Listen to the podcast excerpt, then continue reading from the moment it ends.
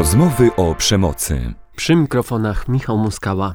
Ja pracuję jako psychoterapeuta poznawczo-behawioralny i terapeuta uzależnień. I Ania Ciucia, seksuolożka, psycholożka, psychoterapeutka i koordynatorka antyprzemocowej linii pomocy Sekset. Zapraszamy do wysłuchania kolejnego odcinka na cyklu naszych rozmów, rozmów o przemocy. W dzisiejszym podcaście porozmawiamy o odcieniu przemocy, który potrafi być ignorowany, bagatelizowany, potrafi być tematem tabu. Jak y, podkreślamy od początku naszych rozmów, przemoc to zjawisko demokratyczne, nie dotyczy jednej płci, dotyczy wszystkich ludzi. Dzisiaj zajmiemy się listami od mężczyzn i przemocą, która kierowana jest w ich stronę. Porozmawiamy m.in. o czynnikach społeczno-kulturowych, jak ocena i krytyka męskości, czy ogólnie kwestionowanie męskości, tych czynnikach, które utrudniają szukanie wsparcia i pomocy w sytuacjach naruszania granic. Przyjrzymy się kilku opisanym sytuacjom. Podobnie jak w poprzednim odcinku, spróbujemy zastanowić się nad obecnymi w nich mechanizmami przemocy, zastanowimy się też nad sposobami zadbania o siebie. Zacznijmy od wysłuchania pierwszego listu. Dziewczyna mówi mi, co mam robić, a czego nie. Nie potrafię jej odmówić. Reaguje złością i wybucha, jak robię coś nie po jej myśli. Zdarza się, że mnie wyzywa i umniejsza mi. Zacząłem mieć przedwczesny wytrysk, a później problemy z tym, żeby w ogóle zainicjować seks. Często neguje moje plany, a ja chciałbym, żeby uszanowała moje decyzje tak, jak ja szanuję jej decyzje i plany. Od ponad roku mam wrażenie, że obniżyła mi się samoocena. Czuję się mniej wartościowy i momentami bezsilny. Czasami nie mam nawet ochoty nigdzie wychodzić z kumplami. Byłoby mi wstyd mówić kolegom o tym, co się u mnie dzieje. Pewnie i tak by nie zrozumieli. Dodatkowo moja dziewczyna nie szanuje mnie w towarzystwie. Ma mocne poczucie humoru i po prostu się nie hamuje. Nie wiem, jak mam na to reagować. Czuję się zawstydzony i zagubiony, jakby sparaliżowany. Ona nie lubi oglądać filmów, które ja wybieram, ani słuchać mojej muzyki, a kiedy oglądamy jej filmy, to krzyczy, że zasypiam. Lubię spędzać z nią czas pod warunkiem, że nie trzeba spać w dzień. Ona przespałaby całe życie i oczekuje, że ja będę spał w dzień razem z nią. Mam wrażenie, że chciałaby, żebym był kimś innym niż jestem. Nie wiem już, jak się zachowywać. Wydaje mi się, że jestem za słaby i niewystarczający, że powinienem się bardziej starać. Ale nawet jak się staram, to i tak zawsze jest powód, żeby się przyczepić. Czy jestem wystarczająco dobrym człowiekiem? Czy zasługuję na to, by być kochanym? No, w tym liście słyszymy wiele y, różnych wątków i aspektów. Mm, ja sobie pomyślałam o tym pierwszym, y, tej wątpliwości. Nie wiem, jak mam na to reagować. I tu mi przychodzi do głowy to, że reagowanie w takiej sytuacji e, jest procesem i trudno mówić o jakimś konkretnym jednym zachowaniu, e, z którego można skorzystać, bo jeśli dotychczas nie reagowaliśmy w jakiś sposób, e, no to, mm, to wydaje się mało możliwe, żebyśmy nagle mieli takie umiejętności, kompetencje, żeby reagować inaczej niż to, do czego jesteśmy przyzwyczajeni. Mhm. Też myślę sobie, że w ogóle takie sytuacje, mm, kiedy ktoś nas stawia pod ścianą, e, kiedy ktoś nam umniejsza, wyzywa, poniża, e, jeszcze w towarzystwie innych osób, mm, że jest to sytuacja obiektywnie bardzo trudna, e, no ja której... tego nie odbieram jako poczucie humoru. Tak, to no to tak, to, to przede wszystkim, humoru. że to w ogóle nie jest poczucie humoru, jeśli ktoś kogoś poniża. To tu właśnie też e, o tym myślałam, że zupełnie tego nie traktuję w kategorii humoru. Nawet jeśli miałby to być czarny humor, no to e, poniżanie innego człowieka nie jest e, powodem ani sposobem żartu.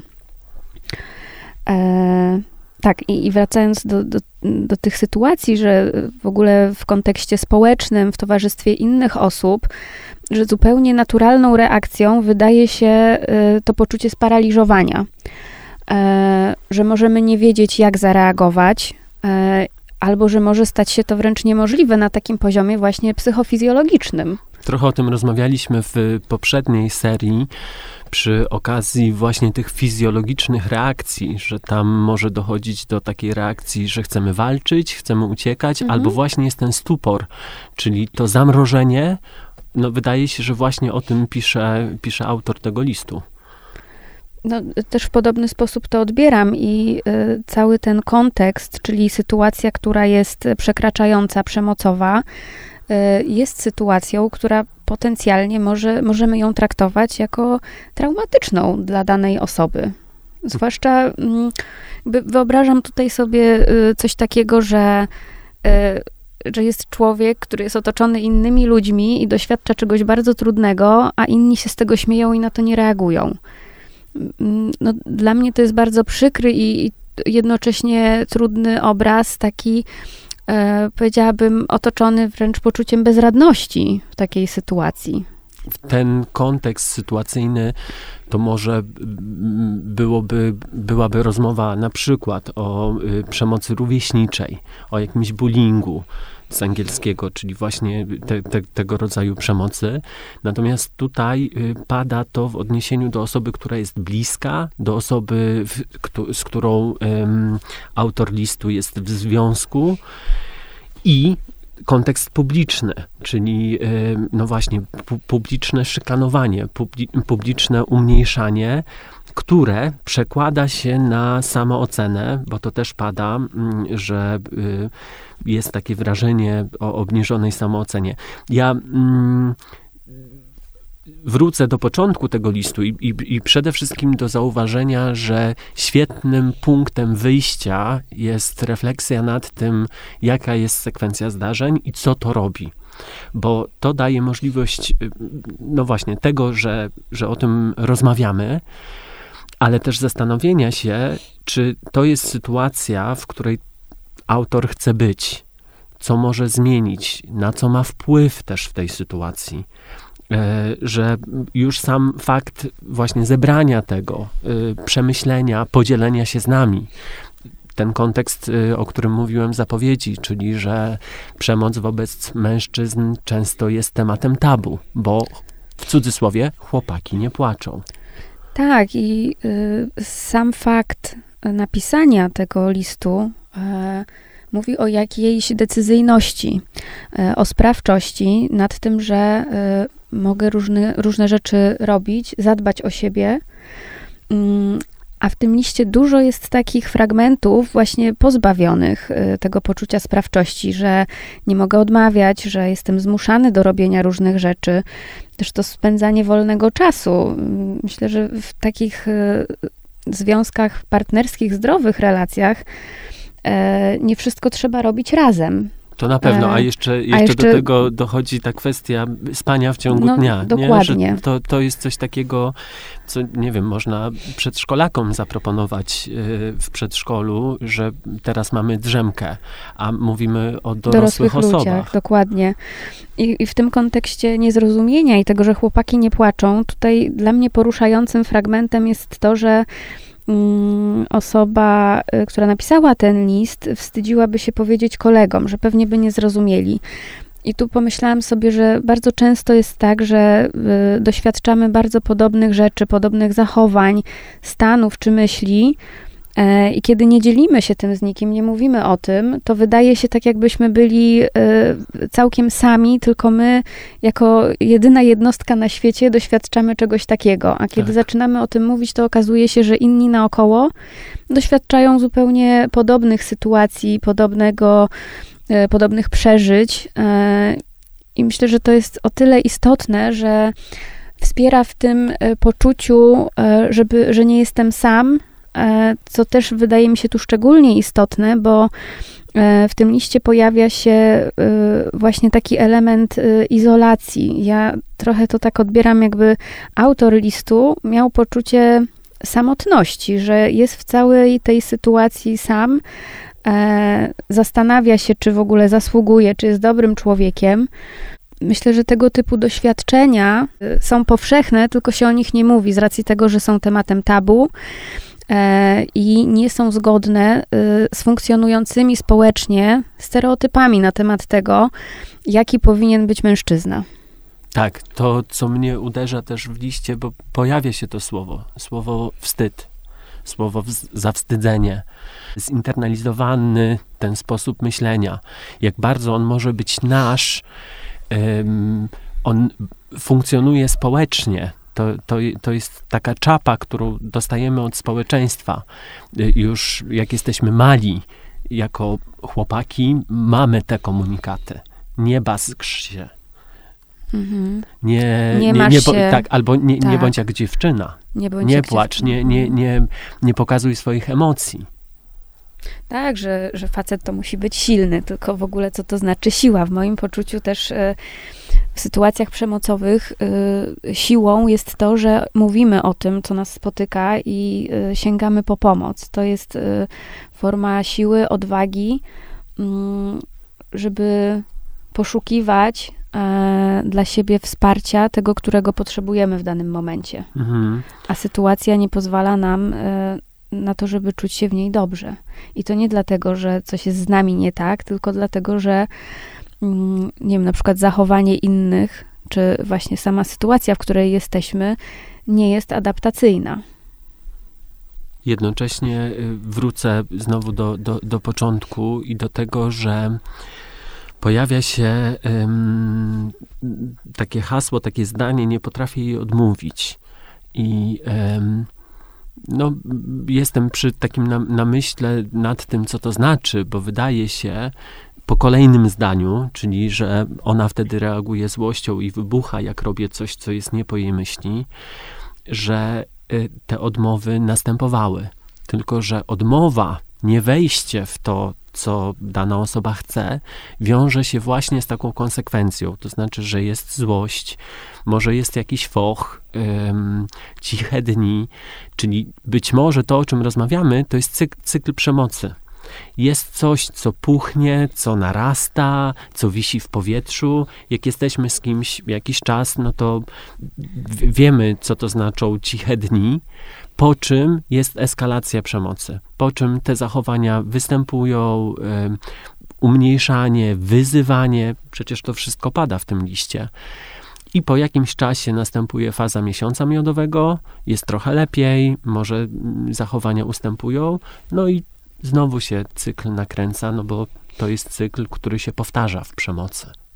W tym miejscu też wydaje mi się szczególnie ważne, żeby zaznaczyć, że mm, my nie jesteśmy odpowiedzialni za to, y, jakie emocje wzbudzają się w drugiej osobie. I to, że komuś odmawiamy i nie chcemy postępować zgodnie z czyimiś oczekiwaniami, to nie oznacza, że y, złość, która się w takiej sytuacji pojawia, jest spowodowana naszą jakąś winą, tylko tym, że ta druga osoba być może nie jest w stanie sobie tego z tym poradzić, udźwignąć tego, że ktoś nie chce postępować w zgodzie mm, z jej roszczeniami w takiej sytuacji, czy, czy oczekiwaniami. No tak, a to, że pojawiają się frustracje, no one pojawiają się u wszystkich osób. No to jest zupełnie ludzkie, można powiedzieć. Już y, na etapie bycia dzieckiem uczymy się tolerować i znosić frustracje, kiedy rodzice nie chcą dawać nam natychmiast tego, czego byśmy chcieli. Mhm. Na przykład taka sytuacja z supermarketu, gdzie dziecko się kładzie i e, na podłodze i chce coś otrzymać.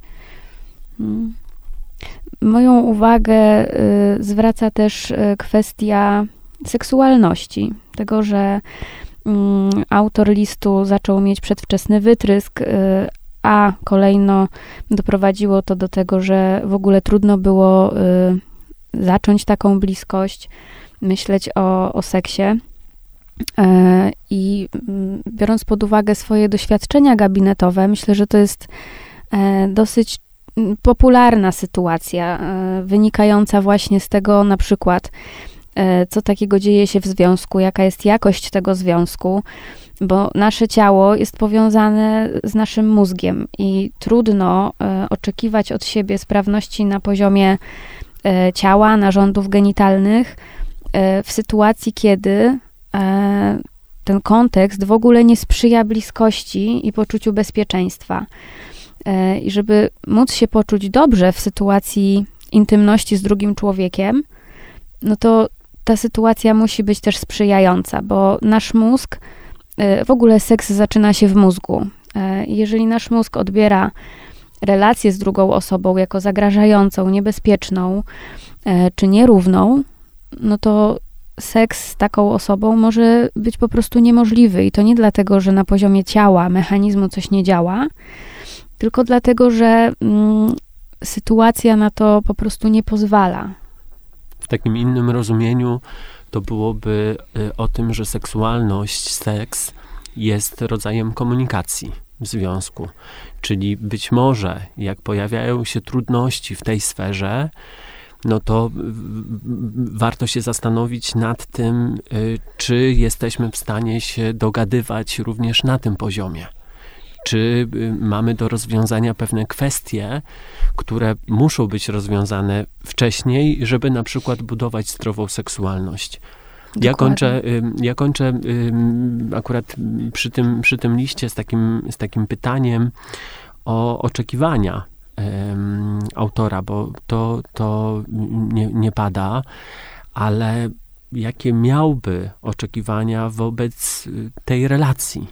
Wiedząc to wszystko, co wie, mając te doświadczenia, jakie są, e, tego, jak to funkcjonowało do tej pory, to co daje nadzieję, ale też jakie właśnie są oczekiwania na to, że z tą konkretną osobą będzie można wypracować taki sposób komunikacji, w tym komunikacji w łóżku, który będzie satysfakcjonujący.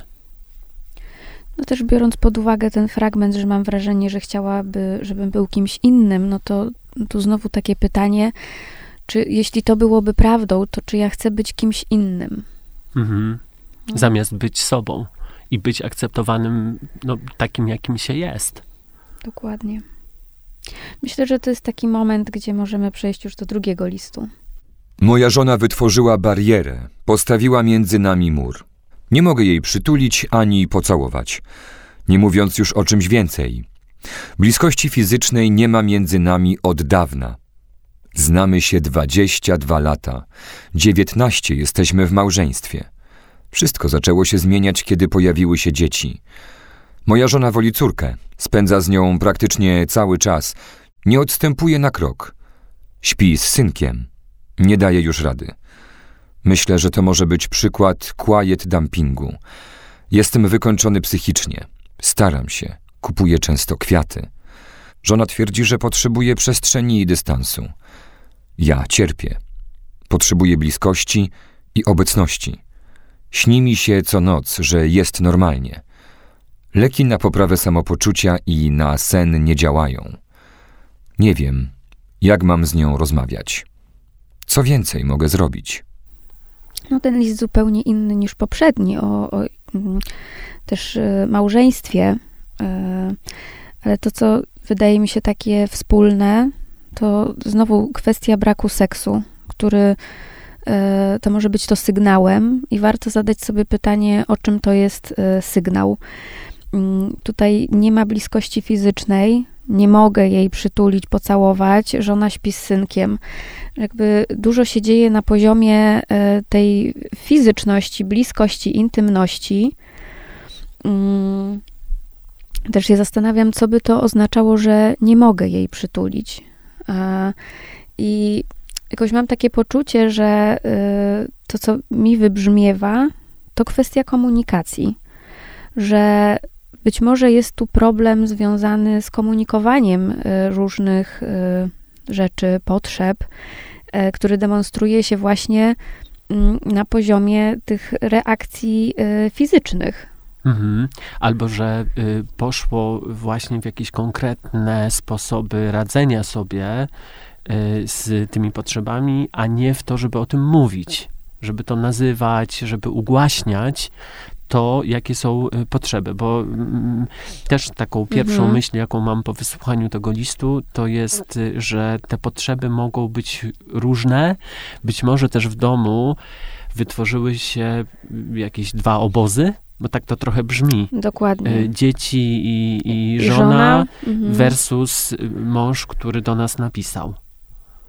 Tak, który, tak to odbieram, czuje się odsunięty, odizolowany i po prostu wykończony swoimi staraniami. I tak sobie pomyślałam, no właśnie w kontekście tego, że te potrzeby są bardzo różne. Wydaje się wręcz, że pewnym sensie nawet trochę skrajne, że, y, że ja się staram, a żona potrzebuje dystansu, przestrzeni. Ja chcę być bliżej, a ona chce być dalej. Y, I to wywołuje cierpienie. Y, I być może paradoksalnie te działania mm, skierowane na staranie się, na to kupowanie kwiatów, że mogą przynosić zupełnie odwrotny efekt, czyli odsuwać tę żonę jeszcze bardziej, a w autorze listów wzbudzać większe poczucie cierpienia, no bo się staram, dużo robię, a to nie działa. Tylko być może właśnie to nie jest e, e, takie działanie, które mogłoby przynieść rezultaty. I odwołując się do tego, co więcej mogę zrobić, to dopełniłabym to takim pytaniem, co ma być właśnie rezultatem. Co ma być rezultatem, ale y, też czy, czy może więcej nie robić? To znaczy, może właśnie Mhm. y, próbować się zdystansować od tej sytuacji, zastanowić nad swoimi potrzebami. E, Może na przykład y, udać się wspólnie albo osobno do Mhm. kogoś, kto mógłby w bezpiecznych warunkach, takich, które dają szansę na wypowiedź jednej i drugiej stronie, wysłuchać, tak żeby te dwie strony też wzajemnie mogły się usłyszeć.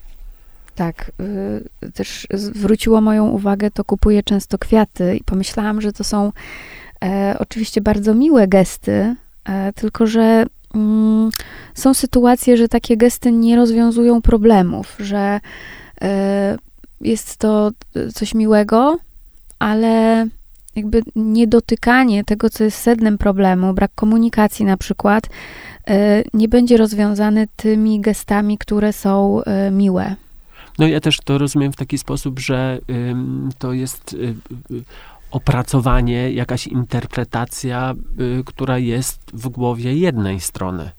Czyli jeżeli y, jestem nauczony tego, że y, ktoś potrzebuje dystansu, a w mojej głowie mm, pojawia się taka interpretacja, że no, w takim razie muszę jakoś zachęcić, okazać y, zainteresowanie, kupić właśnie kwiaty, zrobić coś miłego i to tą osobę zbliży, no to, że to jest właśnie jedna część tego systemu, je- jedno to rozumienie. My nie wiemy, co jest w głowie żony, jak ona reaguje też na, te, na to okazywanie zainteresowania, bo być może jest tak, jak mówisz, Ania, że y, to akurat powoduje, że ta osoba chce się dystansować, że potrzebuje właśnie dystansu, te- tego, żeby być trochę dalej.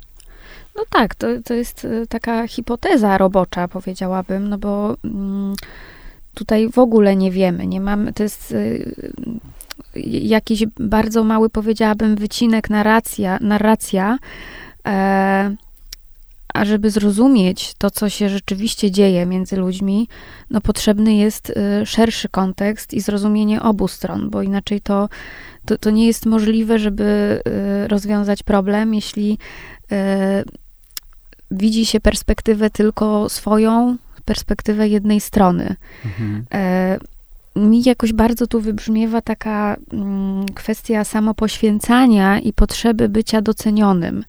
I że to się nie wydarza w tej relacji. Jednocześnie jeszcze dorzuciłbym do, do tego rozumienia być może taki obecny mechanizm związany z jakimś rodzajem rywalizacji. Mhm. Rywalizacji o dzieci, bo akurat w liście jest koncentracja na tej relacji pomiędzy małżonkami. Natomiast też zastanawiam się, jak to wygląda i co to y, robi w domu, że na przykład żona śpi w jednym łóżku z synkiem. y, I co to znaczy, że woli córkę? Tak, i że, że woli córkę, Mhm. dokładnie. No, mo- można się też tutaj zastanowić e, właśnie od czego to się zaczęło, bo mm, te, trochę to tak interpretuję, że to pojawienie się dzieci mm, było chyba takim punktem e, zwrotnym. Te dzieci wydają się tutaj e, ważnym aspektem w całym tym liście. I co się wokół tego wydarzyło w ogóle? Jak, jak ta relacja wyglądała wcześniej? Jak ta relacja wygląda teraz, kiedy ten system rodzinny jest większy? Mhm. No, dużo pytań, y, dużo niejasności. Y, Myślę, że rzeczywiście tu y, poszłabym w takim kierunku, o którym już wspomniałeś, że mm, być może indywidualna albo wspólna rozmowa z terapeutą, z kimś, kto byłby obiektywny i tak mm, zamoderował rozmowę, żeby obie strony mogły się usłyszeć i zrozumieć, mogłoby być tutaj pomocne. Ja jeszcze do, dorzucę tutaj ten fragment y, dotyczący leków, bo, bo występuje w liście informacja o tym, że jest farmakologia włączona. Leki na poprawę samopoczucia i na sen nie działają. To trochę może być o tym, że farmakologia może być pomocna, natomiast jeżeli nie ma działania co do źródła problemów, e, i ta komunikacja się nie udrażnia, y, dalej jest, jest ten y, pad, no to wtedy, wtedy rzeczywiście same tabletki niewiele pewnie mogą wprowadzić zmian. No tak, ja też zawsze mówię o tym, że y, leki są po to, żeby ustabilizować nastrój, ale nie zmieniają sposobu myślenia i sytuacji, w której jesteśmy. To już wymaga naszych y, działań. Pewnie. Wysłuchajmy trzeciego listu. Jestem facetem, który doświadczał gaslightingu ze strony partnerki przez dekadę. Tak, 10 lat. Myślę, że wszystko zaczęło się z patologicznego dzieciństwa. Jak się później okazało, również ze strony partnerki. Gdy się wyrosło w niezdrowym środowisku, to potem łatwiej zaakceptować nieadekwatne traktowanie przez partnerkę. Ciągłe wzbudzanie poczucia winy, wmawianie zaburzeń psychicznych, niedoskonałości, podkreślanie wad, wysyłanie do psychiatry. Poszedłem. Psychiatra wystawił mi dokument, że ze mną jest wszystko w porządku. Oczywiście nic nie dzieje się nagle. Ja to, co wychwytuję, to to, że y, tu między partnerami y, doszło do takiej y, chemii schematów, że spotkały się dwie osoby, mm, które miały jakieś swoje trudne doświadczenia e, z dzieciństwa, z okresu dorastania, ze swoich domów pochodzenia. I, te doświadczenia bardzo się zazębiły w taki sposób, że łatwo było funkcjonować e, w czymś, co mm, nie było normą, w czymś, e, co nie było optymalne, dobre, ale trudno było się zorientować, że dzieje się coś niepokojącego, bo obie ze stron, tak rozumiem, były przyzwyczajone e, do określonego sposobu funkcjonowania, do być może ranienia siebie nawzajem, albo ranienia drugiej osoby, a ze strony drugiej osoby przyjmowania tych zranień.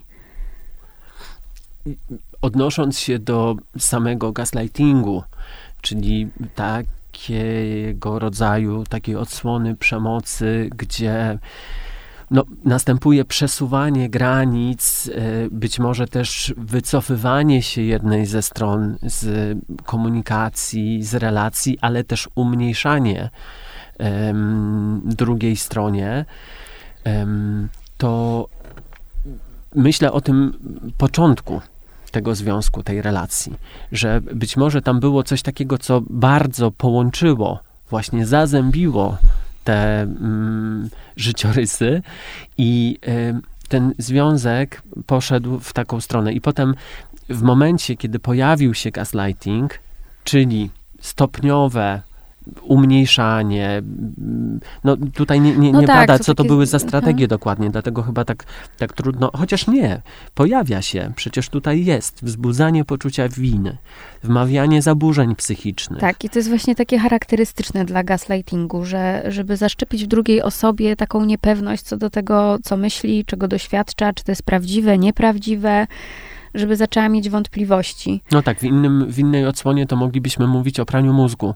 To znaczy, po jakimś czasie zacznę się zastanawiać, jeżeli ktoś mi coś mówi, że tak wygląda świat, białe nie jest białe, a czarne nie jest czarne, no to po jakimś czasie zacznę się zastanawiać, czy rzeczywiście może tak jest, może coś jest nie tak z moim myśleniem. No tak, albo na przykład może to ja jestem chory psychicznie, co Mhm. tutaj e, też się w tym liście e, pojawia, no bo e, partnerka wysłała e, autora listu do psychiatry.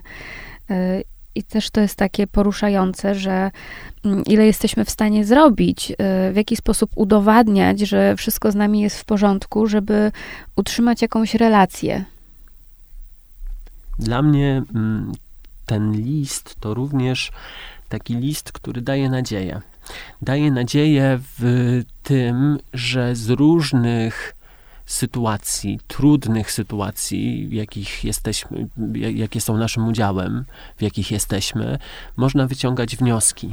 I to jest trochę być może też o mm, szukaniu takich czerwonych flag, to, to o czym też często rozmawiamy, czyli kiedy y, powinna mi się zapalić taka kontrolka y, zastanowienia y, nad tym, czy wszystko jest ok w mojej relacji. Bo gaslighting to jest Mhm. proces. Tutaj proces, który trwał 10 lat. Jak rozumiem, y, ten, ten związek być może się zakończył, no albo zakończył się gaslighting. Mhm. Ale tu myślę sobie, że, y, że tak, to jest ważne. Z drugiej strony myślę, że to może być bardzo trudne, żeby zobaczyć te czerwone flagi, bo mm, mamy tutaj do czynienia y, z taką historią, gdzie mówimy o jakiejś normie, która normą nie jest. I jeżeli my mamy mm, coś, co nie jest dobre, przyjęte za normę, no to trudno y, może być też zauważać te czerwone flagi.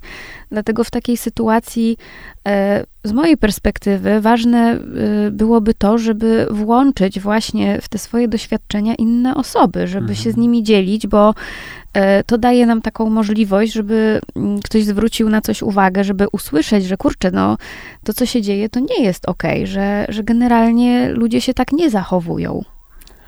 Tak, a jednocześnie myślę też o takiej odsłonie, że inni ludzie mogą dawać y, poczucie wspólnoty, jedności doświadczeń, fajnego czasu, takiego jakościowego spędzania czasu, y, bycia docenianym, widzianym y, i że to też pozwala na to, żeby odnieść tę sytuację do własnego związku. I czy z moją partnerką, z moim partnerem czuję się dobrze? Czy tam jestem akceptowany? Czy to jest tak, że mam poczucie, że jako dorosła osoba wybieram sobie kogoś, chcę być w tej relacji, ale też mm, jestem chciany w tej relacji?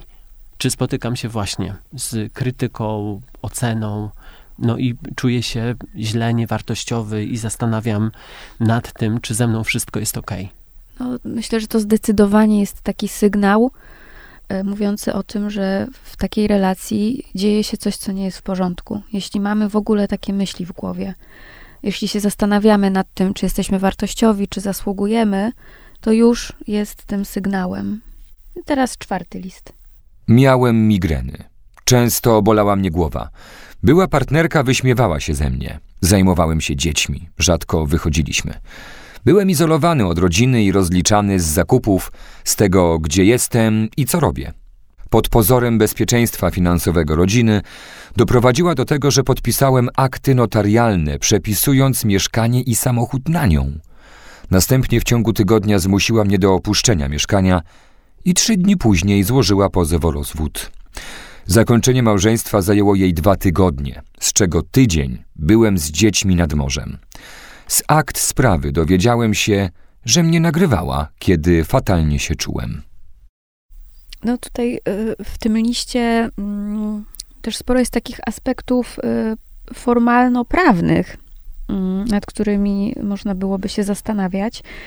Y, To, co zwraca moją uwagę, patrząc na całokształt, to forma eskalacji, że prawdopodobnie od samego początku e, w tej relacji działo się coś takiego, że ta przemoc narastała, narastała, aż do takiego momentu, gdzie e, no, zakończyło się to mm, porzuceniem, tak bym może to ujęła. A jednocześnie być może wykorzystaniem.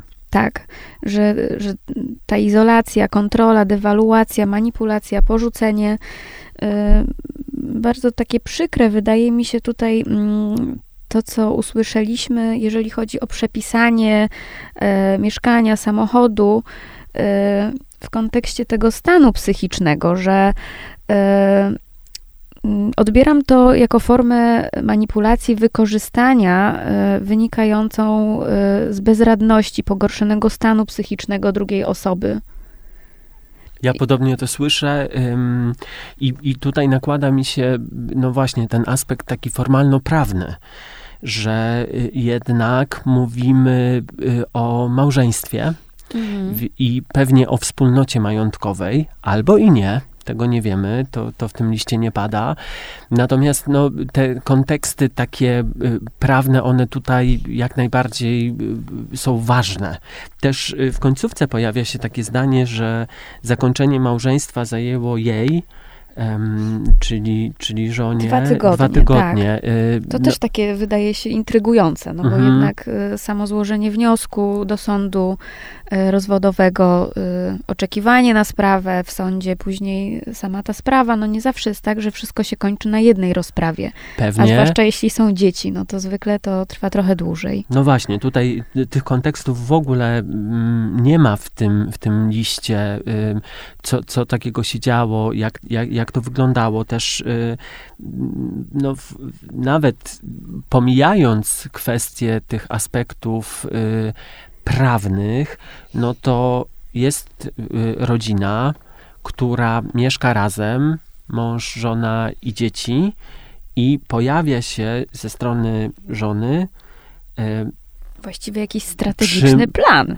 tak, ale też tutaj pada, że zmusiła mnie do opuszczenia mieszkania i potem trzy dni później złożyła y, pozew o rozwód. I, i zastanawiam się, y, co tutaj takiego zagrało. Czy y, co to znaczy, że ktoś został zmuszony do tego, żeby opuścić mieszkanie? Mhm. I jeszcze zwłaszcza, kiedy, kiedy są dzieci.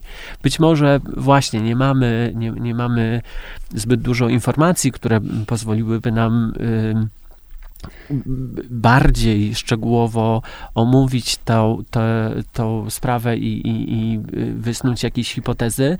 Natomiast na pewno y, sytuacja trudna i no, rdzeniem tego listu, mam wrażenie, jest wykorzystanie jakiegoś rodzaju bezradności, em, słabości, choroby jednej No, osoby mhm. przez drugą. To też y, mi przychodzi do głowy takie pytanie właśnie, co spowodowało obniżenie nastroju, stanu psychicznego, jakby od czego to się y, zaczęło. Mm, I kolejną rzeczą, y, która mi przychodzi do głowy, że jeżeli y, tak było, że doszło do tego wykorzystania bezradności, e, no to też zawsze można starać się o unieważnienie pewnych zapisów formalnych, no bo jest to sytuacja nadużycia, wykorzystania kogoś. Mhm. Czyli w świetle prawa y, możemy mówić tutaj też o przestępstwie. Być może też y, końcówka jest taka, że z akt sprawy mm, autor dowiedział się y, o tym, że był nagrywany. No Znowu tak, taka nagrywanie kolejna... kogoś bez czyjejś zgody y, też jest i nadużyciem, i przestępstwem. Mhm. Y, To y, myślę, y, że może być związane też z tym, co, co było na tych nagraniach. No bo mo- możemy czuć się źle, możemy, nie wiem, nie, nie być na jakimś etapie y, zdatni do tego, żeby na przykład zaopiekować się dziećmi w taki sposób, w który normalnie, w którym normalnie się zajmujemy. No a jednocześnie z listu wynika, że pan opiekował się dziećmi, że na przykład Tak. tydzień był z dziećmi nad morzem, więc rzeczywiście tutaj jest e, kilka takich kwestii, które wymagałyby dopytania, doprecyzowania, bo wydają się to bardzo konkretne informacje, a jednocześnie pozbawione takiego kontekstu i chronologii zdarzeń, mm, wydają się y, takie trudne do tego, żeby mm, bardziej konkretnie na to odpowiedzieć, żeby nawet zasugerować mm, jakby jakiś punkt widzenia, bo jest to bardzo y, trudne do uchwycenia, co tak naprawdę się tutaj wydarzyło i kiedy, i co z czego wynikało. Dla mnie y, ważnym wątkiem jest ten wątek związany z y, przyczynami, z podłożem migren. E, b- b- I idzie mi myślenie w taką stronę, że zresztą rozmawialiśmy też o tym, że część problemów somatycznych Tak. wynika z psychiki. To znaczy, że nasze ciało reaguje w jakiś konkretny, określony sposób. Zaciska się żołądek, mamy bóle głowy, występują różne somatyzacje, które mogą świadczyć o tym, że w danej relacji, w danym związku dochodzi do zachowań przemocowych. Tak, ta, ta przemoc e, rzeczywiście wybrzmiewa w tych e, listach, którymi e, panowie podzielili się z nami, my z państwem. z wami. E, I ja bardzo doceniam, że te listy do nas e, spłynęły, e, że mężczyźni odważają się coraz częściej mówić o tym, co ich spotyka, o swoich doświadczeniach. To też pokazuje, że nie jest to, mm, nie są to jednostkowe przypadki, sytuacje, że to się po prostu dzieje, tylko się o tym nie mówi. E, ja mam w sobie taką dużą nadzieję, że mm, temat przemocy wobec mężczyzn będzie coraz mniejszym tabu, e, aczkolwiek wydaje mi się, że jeszcze mamy długą drogę przed sobą. Ja to słyszę też tak, w, ta, w, takim, w taki sposób, że nie chodzi tutaj o to, żebyśmy teraz gloryfikowali to, że mężczyźni są w stanie mm, napisać o swoich trudnościach, bo y, to nie, nie, nie w tym rzecz. Natomiast istotne jest to, żebyśmy mówili, bo jeżeli my nie będziemy dawać przykładu tego, że można o tym rozmawiać w sposób normalny, że te tematy pojawiają się w naszych gabinetach, że to nie jest coś, co musi być takie bardzo ukryte i z czym trzeba radzić sobie samodzielnie, to jesteśmy w stanie przełamywać y, te, te trudności i zawalczyć o siebie i że to może być wyraz odwagi. Myślę teraz też o młodszych chłopakach, o dzieciach, które mm, są w takiej sytuacji, kiedy jest tak duża presja rówieśnicza, że nie chcą się tym dzielić. Ostatnio, nawet jeśli chodzi o y, kontekst publiczny, mieliśmy kilka spraw bardzo, bardzo brutalnych, związanych z tym, że pewne przekroczenia nie były omawiane, nie były wnoszone i dotyczyły właśnie chłopców. Jakoś szczególnie, y, szczególnie bliskie jest mi teraz to, żeby o tym mówić, żeby wyjmować ten temat, oswajać go, nie po, nie po to właśnie, żeby gloryfikować y, mm, konkretnie mężczyzn, ale bardziej, żeby pokazywać mężczyzn, którzy mówią o, o tym, że ich granice są przekraczane, tylko bardziej o to, żeby pokazywać, że patriarchat y, robi nam no, źle w głowach wszystkim. Mhm. Tym bardziej też, co wynika z tych listów, y, którymi się podzieliliśmy, że przemoc wobec mężczyzn bywa mniej oczywista, bardziej subtelna, wyrafinowana, skierowana na aspekty psychiczne, seksualne, a stereotypowo przemoc kojarzy się z biciem, z tym, że to widać, a bardzo często tej przemocy nie widać. Oczywiście tutaj nie, nie mogliśmy mm, mm, przytoczyć wszystkich listów, które dostaliśmy. To też nie jest tak, że ta przemoc fizyczna, ona y, wobec mężczyzn nie występuje. Do usłyszenia. Jeśli doświadczasz przemocy, stosujesz ją lub widzisz, bądź masz wątpliwości, czy to, czego doświadczasz, jest przemocą, możesz skontaktować się z antyprzemocową linią pomocy Sekset 720 720 020. Czynną od poniedziałku do soboty w godzinach od 17 do 21. W sytuacjach zagrożenia życia skontaktuj się z numerem alarmowym 112.